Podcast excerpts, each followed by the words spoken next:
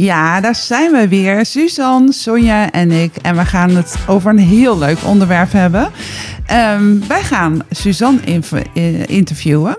Want wij hebben een hele leuke stelling ontvangen van een van onze luisteraars. En dat is: Is YouTube de concurrent van sprekers? Suzanne.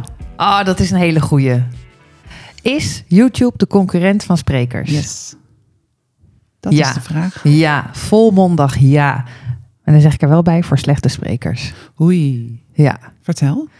Nou, ehm goede sprekers zijn zich heel be- erg bewust van de waarde die een aanwezig publiek kan geven aan je presentatie. Ja. Slechte sprekers gaan hun verhaal afdraaien, in 20 minuten zenden. En dat kan ik ook, datzelfde verhaal kan ik ook op YouTube zien. Hmm. Goeie. Thanks. Ja, dat is een goeie om over na te denken. Dat is een hele zinkoor. Ja, want weet je, wij, wij huren natuurlijk regelmatig sprekers in. En we proberen dan natuurlijk sprekers te vinden die bij dat onderwerp passen, of bij thema, of, ehm, of juist leidend voor het thema zijn.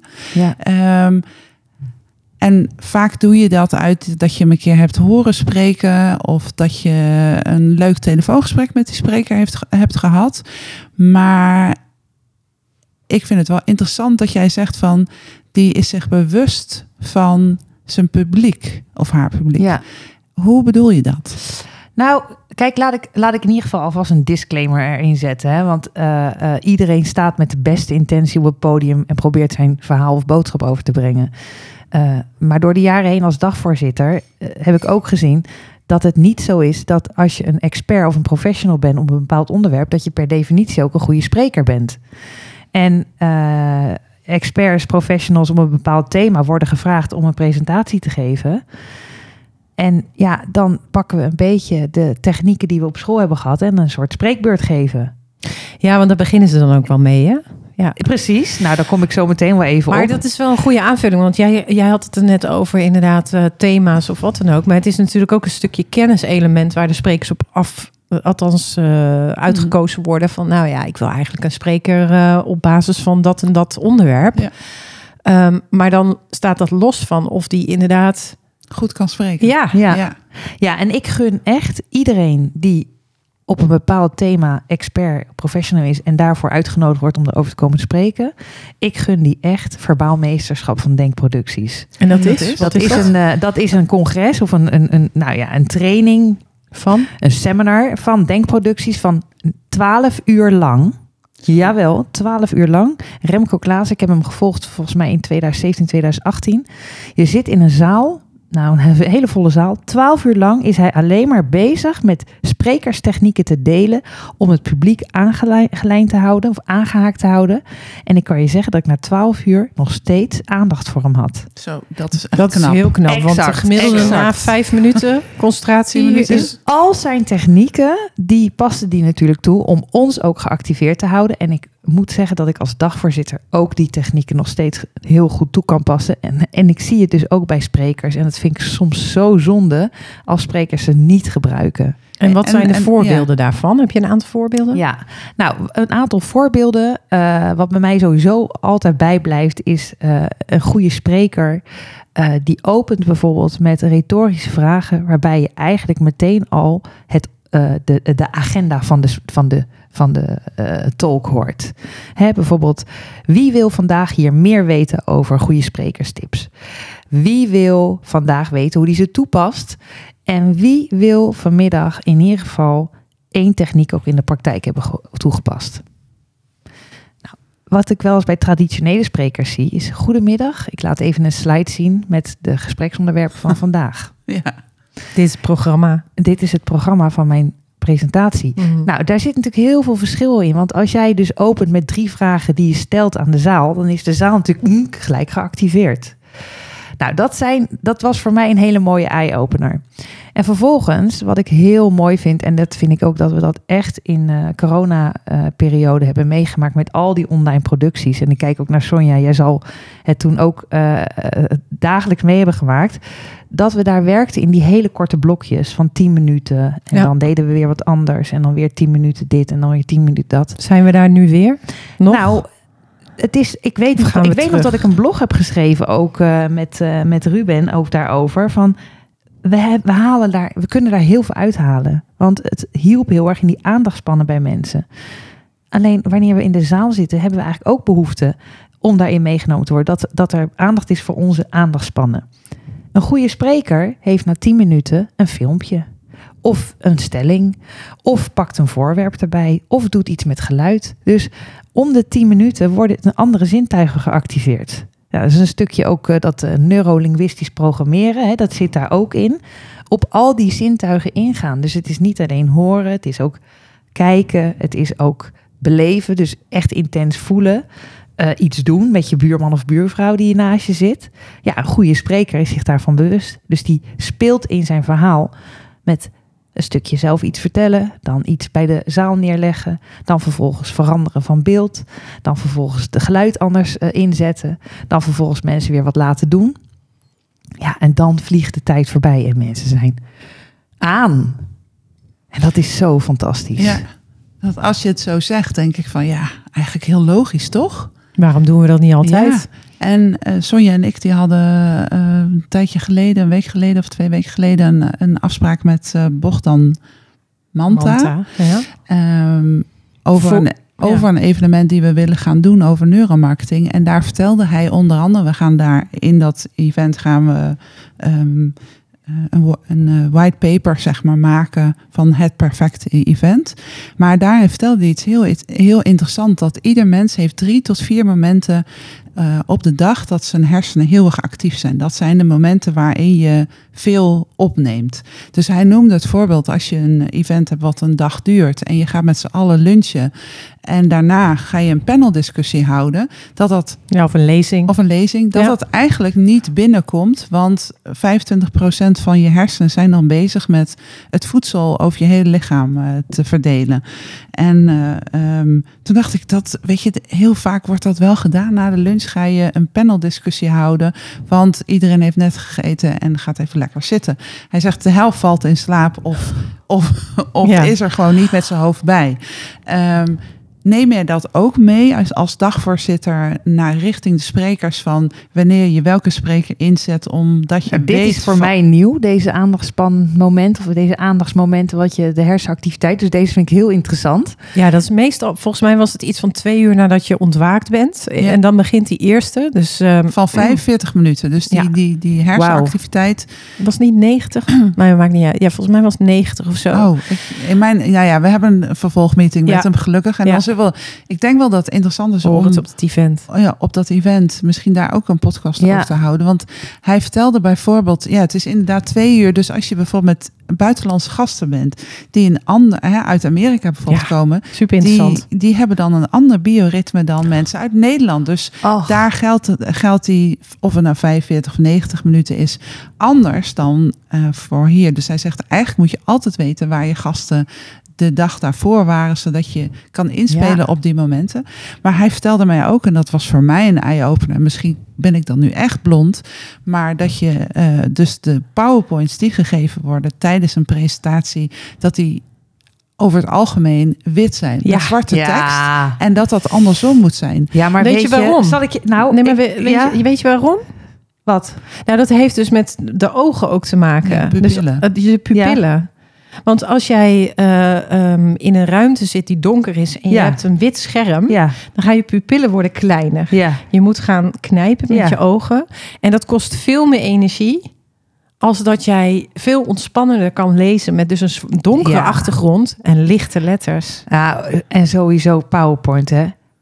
Ja, geef- hij had ook zorg echt, hij was altijd- niet te spreken ook. Ja. Ja, het is, nou ja, de Viagra van sommige sprekers. Serieus. Het is echt, hè, sprekers die hebben... Die, nou, ik wil daar eens even wat over vertellen, over, Ja. die, over die PowerPoint. Hè, want ik wijs nu zo naar de muur. Mensen mooi die, die, lezen, die lezen alleen maar op wat er dan op een slide staat.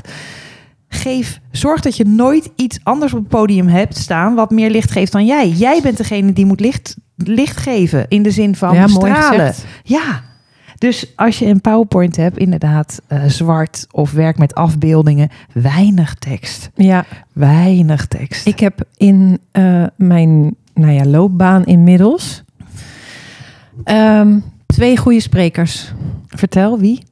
Nou, de eerste weet ik niet meer. Ik weet dat het Oh, een Italiaan was. Oh, eh, bij mijn opdrachtgever. Nou ja, oh, weet ik niet. Maar per definitie toch? Nee.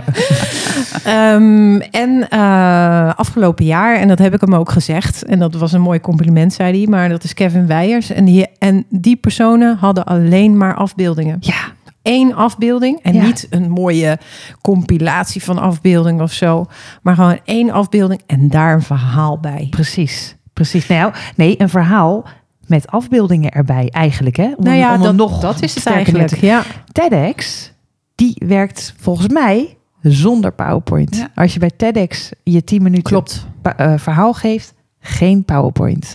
Dan moet je alles uit je hoofd doen. Nou ja, uit je hoofd. En dan wordt het natuurlijk een autonoom verhaal, hè? Want het komt vanuit je hart. Ja. En anders laat je leiden Ja. door je bullet points op een PowerPoint. Van, Precies. En ik vind, ik vind Da- Danielle Brown, vind ik, hè, Ook heel goed. corporate antropoloog, die heb ik gezien nu twee keer. En daarom kon ik het verschil goed zien. Zij had duidelijk ook haar verhaal echt aangepast aan de doelgroep in de zaal. Dus zij is zich bewust van YouTube als concurrent, want zij doet niet het verhaal wat je terug kan zien op YouTube. En zij werkt wel met slides en foto's, maar dat zijn echt prachtige foto's. Het is, Ja, weet je, is dat is een Antropoloog. ja, Ja, is fantastisch. fantastisch. Echt, je moet een keer naar haar. Zij doet ook ehm, theatervoorstellingen Oh volgens mij. ja? Nou, en, en wat ik me dan wel eens afvraag, want ik heb regelmatig inderdaad ook sprekers die een bepaald thema hebben, maar die zijn eigenlijk geen sprekers. Ja. En als je die dan vlak voor dat ze het podium op moeten, dan zijn ze heel nerveus. Ja. En ik geef altijd de tip van, joh, eh, kijk gewoon op één punt in, het, eh, in de zaal en zorg dat je de, je openingszinnen echt bij hart weet. Ja. En daarna eh, dan gaat het vanzelf. Ehm, en iedereen die daar zit zijn ook gewoon mensen. Hè? Die gaan ook 's ochtends naar de wc. Dus ik probeer dan altijd een beetje. precies. Het chill. te downgraden. Maar eh, ik herken dat bij mezelf ook. Als ik een pitch heb, ehm, ik ben altijd op het moment dat ik sprekerstijd krijg, dan ben ik nerveus. Heb jij dat goed, ook? Eh, Wat, Nou, wat, weet je, wat zijn de sowieso, tips? eh, ooit heeft er een, een hele ervaren dagvoorzitter tegen mij gezegd... als ik geen zenuwen meer heb, dan is het tijd om te stoppen. Dus die zenuwen, die zorgen er ook voor dat wij echt, weet je, on top of ons, ons kunnen staan. En Ja. dat is voor sprekers ook, want dan ben je echt gefocust en je wil het goed doen. Als het goed is, ben je het na 10 seconden kwijt. Want Zo snel? 10, nou, 10, 20 seconden. Nou, oké, iets langer. Daar heb je al gelijk in. Bij mij, Want bij mij, de- het duurt wel langer dan- halve minuut. Zij halve heeft echt wel meer vliegenuren dan dat wij hebben Zeker. natuurlijk. Ja, en, en ik, ik heb een, een ritueel van tevoren. Dus ik Oh, trek, ja. me- ja, ik trek mezelf terug. En, eh, en net voordat ik het podium op ga, ook wel afhankelijk van hoe groot, maar ik trek mezelf terug en ik doe een ademhalingsoefening en ik ga visualiseren. Dus ik visualiseer wat ik wil bereiken die dag. Dus ik visualiseer hoe de mensen in de zaal zitten. Ik visualiseer het plezier. Eh, of het doel wat we nodig moeten bereiken die dag. Dus die, die, dan, dan, ja, dan ga ik dat voor me zien. Dus ik ga echt inbeelden. Dus ik trek mezelf echt in die bubbel. Maar heb jij jezelf dat aangeleerd? Of Ja. is dat ook iets... Nee, dat heb ik mezelf aangeleerd. Ja. Ja. Natuurlijk wel gehoord dat dat vooral die ademhaling goed is. Ja. Dat want die zit hoog, geleerd. hè? Ja, die, die zit zit vaak hoog. Dus je dan leert zenuwen. Heel erg naar je buik te gaan. Dus Ja. laag in die. Laag in, eh, ja. ja, die, dat heb ik wel geleerd bij een training. Wat ik wel belangrijk vind bij sprekers, hè, ongeacht of ze ervaren of onervaren zijn, dat ik van tevoren altijd met de sprekers eh, in een call kennis maak. En het grappige is dat de sprekers ook dat, dat ook aangeven dat ze dat prettig vinden. Van, nou, dan leer je elkaar een beetje kennen. We kunnen dan ook wat meer over de verwachtingen praten. En ik probeer ze daar ook wel in mee te geven. En ik heb me nooit zo bewust wat jij vroeg van, zeg je dan het moment? Maar ik neem ze wel altijd mee even door als de organisatie dat nog niet heeft gedaan. Door wat, wie zit er voor je, wie zit er achter je en wat is het doel van de dag? En waar, eh, waar kan je nou de mensen heel erg blij mee maken waar je over vertelt? Ehm, en dat vind ik altijd ook heel erg leuk om te doen, om ze daarin mee te nemen. En ik geloof ook wel dat op het moment dat ze dat op de dag zelf en ze zijn er en ik loop naar ze toe om een hand te geven en even, nou, hoe, zit je erin, hoe zit je erbij, dat dat al zoveel scheelt dat we elkaar van tevoren hebben gesproken. Zeker. Daar ben ik ook echt van Ja. overtuigd. En Is, ja. Ja. dat heb ik ook met jou meegemaakt. Hè. We hebben toen die tweedaagse hybride Ja. evenement gedaan. Ja. Daar was jij ook de dagvoorzitter van. Dat jij echt met iedere spreker die iets een rol had, heb jij van tevoren contact gehad. En je merkt dat, weet je, om te zeggen dat jullie vrienden zijn, dat is, maar je kent elkaar. Ja. En iemand komt invliegen voor inderdaad eh, een kwartiertje, twintig minuten. Dus die is er ook niet de hele dag. Dus die komt invliegen. En als jij dan even een glimlach geeft en van ik, Ja. ik zie je, ik Ja, weet dat je er bent, ik kom eraan. eh, Ja. dat, dat, ik heb gezien hoe waardevol dat is om iemand ah, een welkom te geven. Ja. Is een, eh, ik heb even een vraag voor je, of een stelling. Is een goede spreker per definitie betrokken bij het event aan zich, dus het programma? Ehm, dat is een goede vraag. Eh, ja, tot op zekere hoogte. Daar zijn een, ik kan me wel voorstellen dat, dat, dat je de spreker op tijd betrekt. Want als het een goede spreker is, kan die bijvoorbeeld aangeven. Kijk, eh, eh, nee, kan die aangeven van: ik heb zoveel tijd nodig om dat doel over te brengen waar jullie me voor vragen. Dan vind ik het heel fijn dat de zaal bijvoorbeeld op deze of deze manier staat of zit. Of dat ik op het podium dit of dit kan doen. Eh, en goh, jullie vragen mij nu om na de pauze te komen. Of, eh, maar ja, misschien pas ik wel beter qua energie op dat andere moment. Dus, dus en qua verhaal ook? en qua verhaal, ja, zeker. Ja, dus eh, of je hem, eh, zeg maar, op die manier kan, zou het wel heel mooi zijn als je iemand erbij betrekt. Ik heb er nooit zo naar gekeken, maar ik vind het wel een hele mooie vraag vanuit jullie expertise.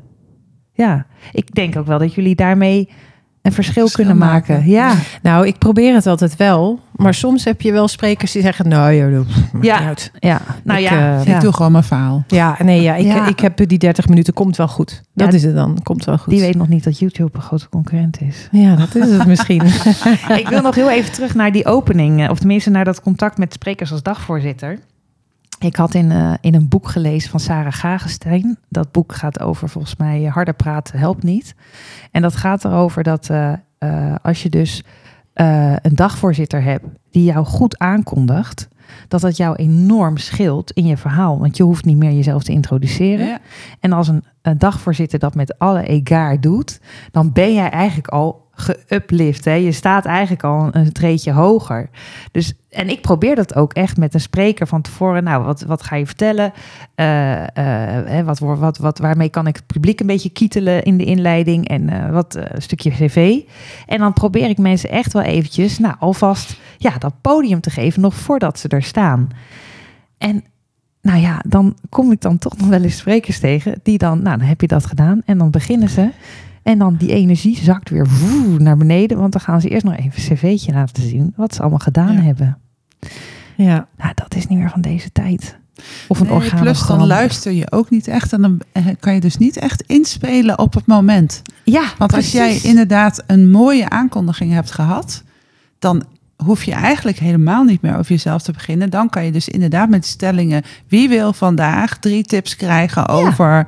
mm, Ja, eh, hè, want dan kan je op die energie gelijk door. En, Exact. en ja, dat is natuurlijk wel jammer. ja, Maar misschien een learning voor jou om dan aan te geven van ik introduceer je. ja, Je hoeft niet meer over jezelf Ja. te beginnen. Begin gelijk met een goede opening. precies. Ja, dat, dat, daar, daar, dat, dat maakt me weer bewust het duidelijker zeggen Ja. dat ik dat doe. Ja, maar ik denk misschien dat er verschillende elementen zijn. Kijk, de een is een betere spreker dan de andere, per definitie, denk ik. Denk je, vliegenuren Ja. scheelt Is ook, heel erg. ook. Inderdaad, de, de begeleiding van de dagvoorzitter verschilt ook per dagvoorzitter hoe dat inderdaad aangevlogen wordt. Ja.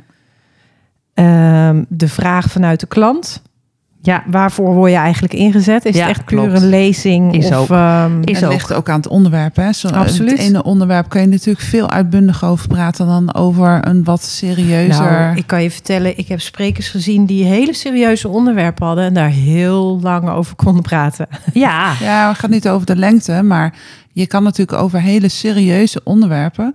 eh, kan je eh, misschien wat minder.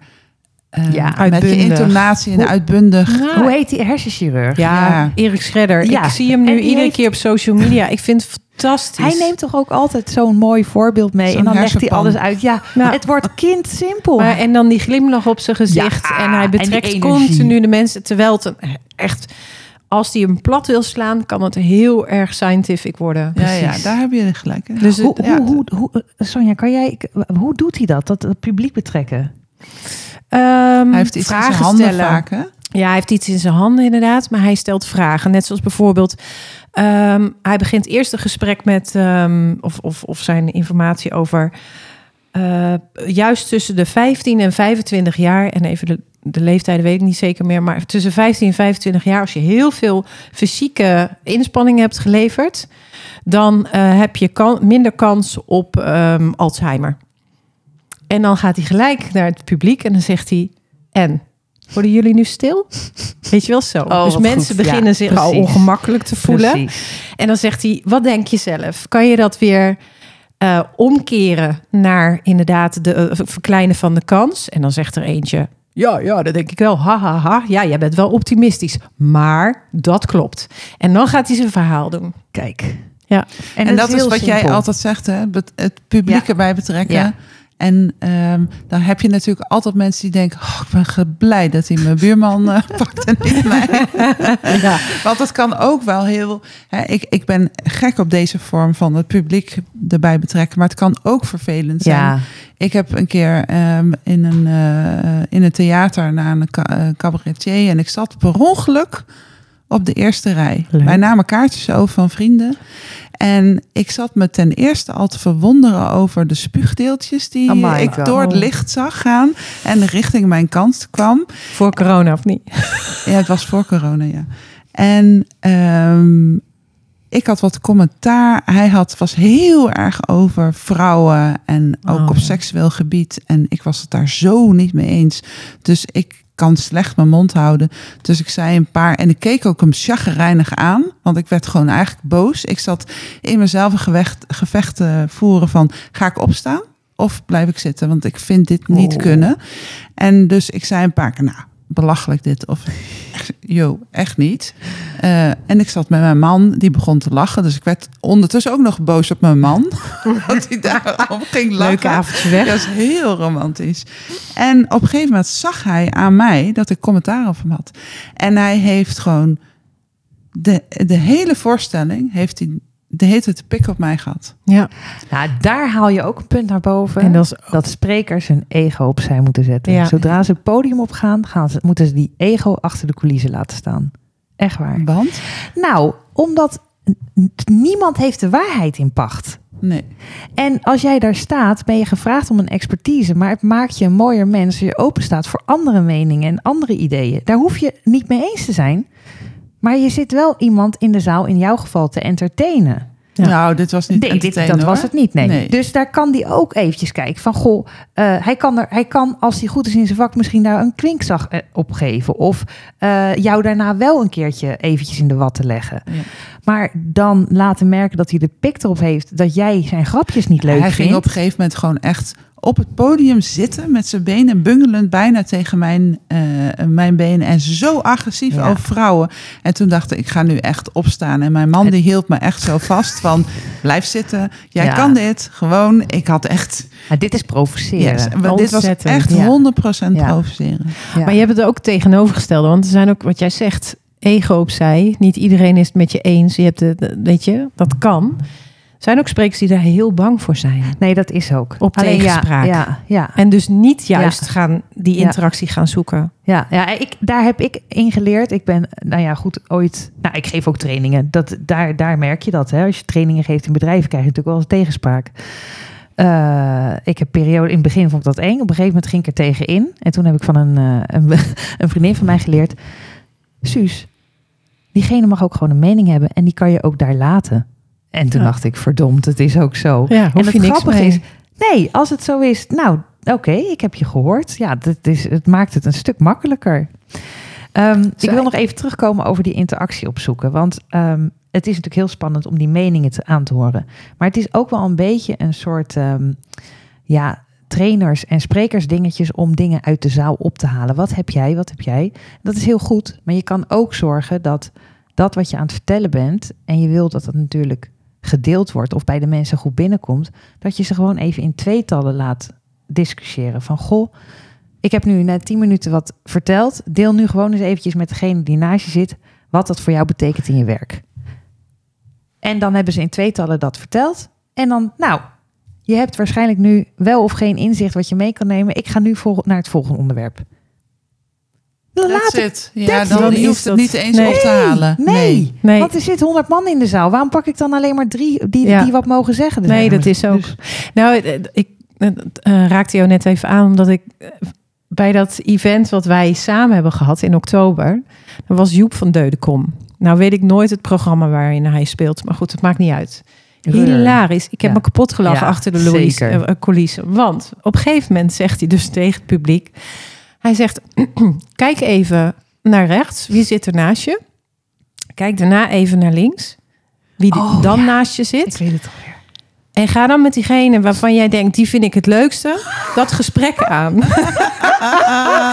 ik heb me kapot dat gelachen. Nee, maar dat was Nee, dat echt was hilarisch. leuk. Want Maar dat was juist die ijsbreker. oh ja, nou ja, dat dat, daar was het hele thema natuurlijk ook om. Echt hele heel tegenstrijdigheden. Maar het was echt hilarisch op dat Ja. moment. En niemand voelde zich daarin ongemakkelijk of wat dan ook. Omdat het ook... Maar dat, daar deed dat me is even aan ook- denken. Ja, en maar humor mag er echt wel in. Ja. Ik heb ooit ook geleerd, zolang het geen dood en bederf is, mag je echt wel een beetje humor erin Nou, hebben. graag Ja. zelfs. Ja, heel maar fijn. met de zware onderwerpen. Ja. Hè, Maar- of een beetje luchtig, ja. Suzanne, nu heb je Oh, al die tips. Ja, Knijp je hem nu? Nee, voor mij vraagt ze altijd niet. Eh, wil jij geen spreker zijn dan? Of worden? Eh, nee. Nee? Nee? Nee, ik heb, ik, heb, het, eh, ik heb het even geprobeerd. Ik was trainer eh, voor gasvrijheid in het bedrijfsleven. Dus ik eh, trainde bedrijven om meer gasvrijheid toe te passen in de dienstverlening. En daar had ik echt wel ook een mening over. Dus ik dacht, ik ga spreker worden over gasvrijheid, de kracht van gasvrijheid. Dus, nou, nee. nee En waarom nee? Nou, het is, dat is wel echt heel eenzaam. En saai vond ik het ook. Dat je dan daar staat, alleen op dat podium. En dan probeer je wel wat met de zaal te doen. Maar dan was het een half uurtje. En dan ging je ook weg. En dan weet je ook echt niet wat voor bijdrage het had geleverd. Wat Nee, grappig zo is, als dagvoorzitter sta je ook vaak alleen op het podium. Ja, maar En- heb ik en- een, ben, ben ik met een hele organisatie bezig geweest in de voorbereiding. En heb ik allerlei verschillende sprekers. En ik probeer toch altijd zo'n dag, ja, eh, eh, het publiek en ik samen gaan we er iets van maken.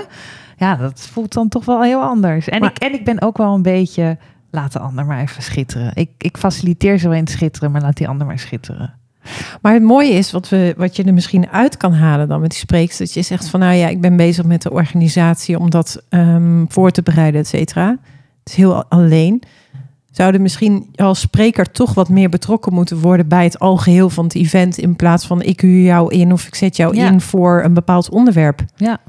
Nou, ik ben wel benieuwd dat als er sprekers nu luisteren, of deskundige professionals die niet heel veel spreken, maar hopelijk eh, hier de, wat tips uithalen, wat zij daarvan vinden. Zouden ze meer bij betrokken willen worden?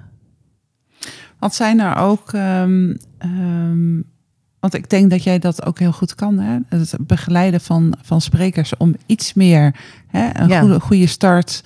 Ehm, wat technieken toe te passen. Maar ik heb je ook een keer iets horen gezegd over speciale woorden of zinnen die, je Ja. eh, Ja, die je kan gebruiken Klopt. als spreker. En ik Ja. denk dat is misschien ook wel een goede tip. Want ik heb hem onthouden. Als ik dan een pitch heb, dan denk ik, ik ga die woorden wel inzetten. let op. Let op. Hoeveel tips gaan ze nu krijgen? Let op. Het enige wat je van deze hele podcast maar hoeft te onthouden, is dat je dit altijd blijft doen. Let op. Dit hoef je maar ooit één keer te onthouden. Dat zijn van die woorden. Ja. En even stilte daarna. Ja. Er is één ding wat je altijd moet doen voordat je podium opgaat. Of heb je dat ook wel eens? En dan, dus wat je doet is je maakt ineens in heel je verhaal, ga je naar beneden met je eh, stem, je gaat stil, rustig en je gaat even zo'n waarschuwingswoord. Ja. Ik weet het niet meer. Volgens mij noemde Remco Klaassen het als een promptwoord. Of, maar in ieder geval, je, je prompt hem even, je framet hem even. Dit is vet gedrukt, dit nooit vergeten. En niet op je PowerPoint zetten, dat en woord. niet dat wordt. En wat ook een goede is, hè? Jij zegt drie tips, tellen in je presentatie. Want dan weten de mensen ook hoeveel ga je er nog vertellen. Ik ga bijna afronden en ik heb nog twee tips voor je. Ten eerste en ten tweede. En als je dan echt er lekker in zit, ga dan ook nog spelen op het podium met de ruimte op het podium. Bedenk dat jij in spiegelbeeld staat, dus ga, loop naar de rechterkant van het podium als je de eerste tip hebt verteld. En dan schuif je een beetje op naar links voor de tweede tip. Dus dan zien mensen ook nog het, het tellen. Hè, normaal tellen we van links naar rechts, maar dan moet je van rechts naar links tellen. Oh, dit zijn toch fantastische tips. Ja, hè? mooi hè? Ja. Ja, Heb je nog meer tips? Of was dit het? Ehm. Wat als er een spreker is die niet een geoefende spreker is, of die die technieken die jij zegt, Oh, ik heb het meegemaakt. ehm, wat zou jij die persoon kunnen bieden? Laat of je, een laat tip je, geven. Laat je interviewen. Ja, vind ik een hele goeie hoor. Dat vind ik ook met, ja, Ja, laat je interviewen door de dag. Door een dagvoorzitter. Ja. ja. Nee, dat vind ik een hele goeie. Ik, zet het ook, ik zeg het ook vaak van. Dan zeg ja, nou, de directeur of de CEO moet nog wat vertellen. Of, ehm, eh, nou ja, goed, iemand anders eh, die dan eh, ja, toch wat meer status heeft. En dan zeg ik, joh, een interview. Dan kan je ten eerste qua tijd kan je het kaderen. Ja. Ten tweede kan je inderdaad qua voorbereiding. Dan hoeft hij eigenlijk niet eens voor te bereiden. Maar dan is het meer van even een gesprekje met de dagvoorzitter. Van eh, wat gaan we bespreken? Wat kan ik wel of niet vragen? En ze staan ook niet zo alleen op het podium. Ja. Kijk dat podium van het congres wat wij samen deden, hoe groot dat was. Je was mega. was mega groot. En die directeur, die stond gewoon lekker met mij daar op het podium. Ja. En het was fijn samen. Ja. Nou had hij dat ook heel goed alleen gekund, dat weet ik ook wel. Maar iemand die het heel eng vindt en die echt mooie expertise heeft. Ja, weet je, Ja. dat is... Mooi. Wat vind je Ik van een katheder eigenlijk? Oh nee, Nee. dan kan je dus niet bewegen. Overigens moet je daar ook mee... Je moet niet te veel bewegen dat mensen helemaal je kwijt zijn als een tenniswedstrijd. Maar wel een beetje bewegen. Wat overigens natuurlijk ook nu heel erg eh, hot is, is storytelling. En ehm, ook dat heb ik geleerd bij verbaal meesterschap. Dat is ehm, een anekdote toepassen. Of in ieder geval een anekdote vertellen. Een persoonlijk Een verhaal. persoonlijk verhaal, ja. Ja. Wat Ja. je mee hebt gemaakt rondom dat wat je aan En moet je daar bent. dan mee openen of doe je dat ergens tussendoor? Kan Na alle twee. een, een van die tien minuten dat je aan het spreken bent. Kan alle twee. Ik denk dat dit een hele waardevolle podcast is. En ik denk dat dat eh, ook heel verstandig is voor ehm, onze luisteraars. Eh, we hebben dus een vraag beantwoord van een van onze luisteraars. Dus als je ook Ja, echt... superleuk. Ja, heel Ja. leuk. Want wij hadden dit eigenlijk niet zelf kunnen Nee, bedenken. niet snel. Ehm, Gek hè? Terwijl je er dagelijks Ja, mee eh, te maar maken dat is het, hè? Wij doen het dagelijks, dus het is ehm, heel normaal.